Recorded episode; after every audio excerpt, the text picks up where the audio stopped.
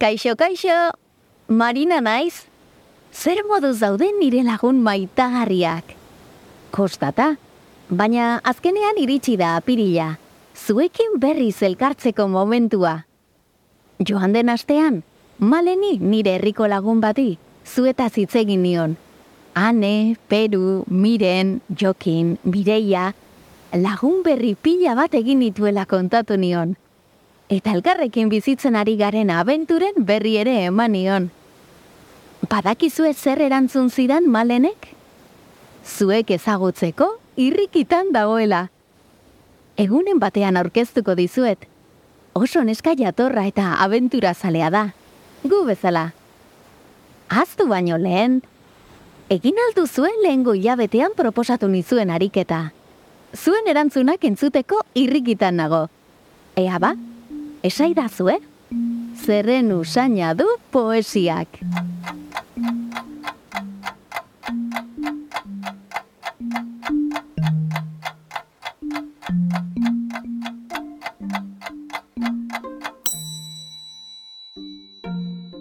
Jolin, erantzun ezberdin pila bat atera dira? Zede montre? Baina, baina, nor izan da?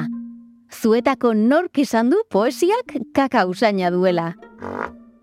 Kakazitz egiten ari garela, gaur entzungo dugun Aleix Kapitainaren abentura berri honetan, kakak presentzia handia izango du.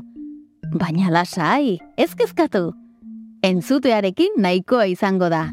Ez duzue kakarik usaitu beharko. Denbora gehiago galdu gabe, goazen abentura berria ezagutzera. Baina, baina, zede montre esaten ari zara, bidemi, ez da posible. Nola erabiliko dute kaka ipatzen ari zaren hori guztia egiteko? Eh, Kakaren usaina jasan ezina da. Horregatik baporeko komunean kaka egiten dudan bakoitzean. Alik eta azkarren sakatzen diot komuneko motoiari. Ostras, abidemi. Eh, Konturatu gabe tramankulu hau grabatzen hasi da. Uste dut Euskal Herriko ume guztiek nire kaken kiratzen berri izan dutela. Oh, a, a, a, a, a, zelotxa. En, en fin. Kaixo lagunok. Gaurkoan Afrikan aurkitzen naiz. Aspaldiko lagun bati bisita bat egitera etorri naiz. A, abidemi, etorri ona. Euskal Herriko nire lagun maiteak aurkeztuko dizkizut. Abidemi! Oh, lotxatia lena. Korrika alde gineztu ba? Ai, ama, konturatuko zineten, abidemi tani kakari buruz izketan ari ginela. Ezagutzen ez duzuen ontzat, jakizue abidemi oso pertsona argia dela. Taberarekin gauza asko ikasten direla egunero. E, abidemik gaurkoan, e, kakari buruzenekien gauza pila bat erakutsi dizkit. E, e, importa ez pasaizue, abidemiren gaurko irakaspenak zuekin elkarbanatuko ditute. Ea ze iruditzen zaizkizuen. Ez esan berari, baina uste dut kontatu dizkidan gauza asko gezurra direla. E, ez diot guztia, seguru asko egia direla, ba, ba, ba. baina beste asko, bueno, e, e, entzun ondo, eta esango didazu ez zer iruditzen zaizuen. Bat, abide miren esanetan, herrialde askotan kaka landare entzato ongarri bezala erabiltzen da. Hau noski egia da. Eta sinesten ezpadi da zue galdetu Euskal Herriko baserritarrei. Seguru beraiek nik baino hobeto azalduko dizuela, zertan datzan prozesu hau. E, bi, abide miren esanetan, herrialde batzuetan, Afrikan esaterako, animalien kakak etxeak egiteko erabiltzen dira. E, ez da oikoena, baina nik ezagutu ditut tribu batzuk kaka horretarako erabiltzen dutenak. E, iru, abide miren esanetan, herrialde batzuetan animalien kaka energia lortzeko erabiltzen omen da. Kontatu dit, kaka temperatura beroetan errezkero, energia elektrikoa lortzea posible dela. Imaginatzen? Animalien kakak erreta, etxeko telebista piztu alizatea? Eh?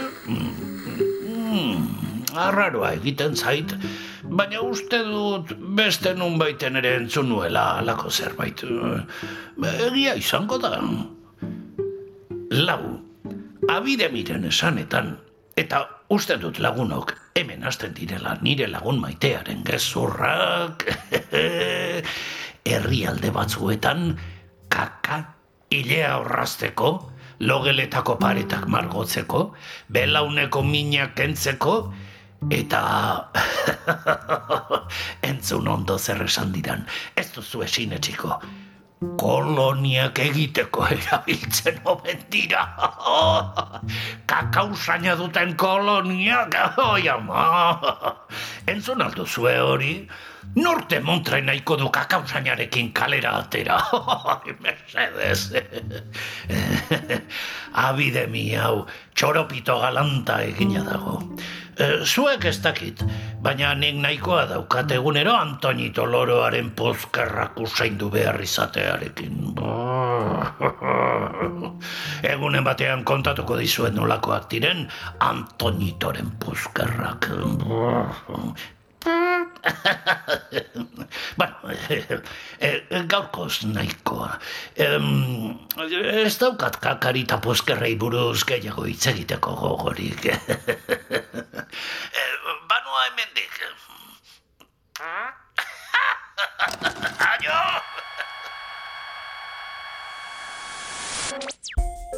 Baina baina nola bururatzen zaizkio abidemiri horrelako astakiriak? Lasai umeok, ez dago munduan kakarekin etxeko paretak margotzen dituenik. Ez da hilea horrazteko kaka erabiltzen duenik ere. Hortarako pintura eta lakak existitzen dira. Haien, ne? Abidemi eta Alex kapitaina, haze parea, karakola eta barea.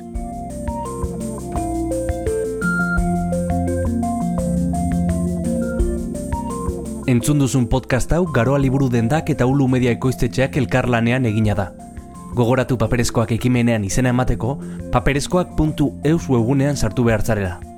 paperezkoak.eus Urren gori arte. Ei, entzun hori. Ulu Media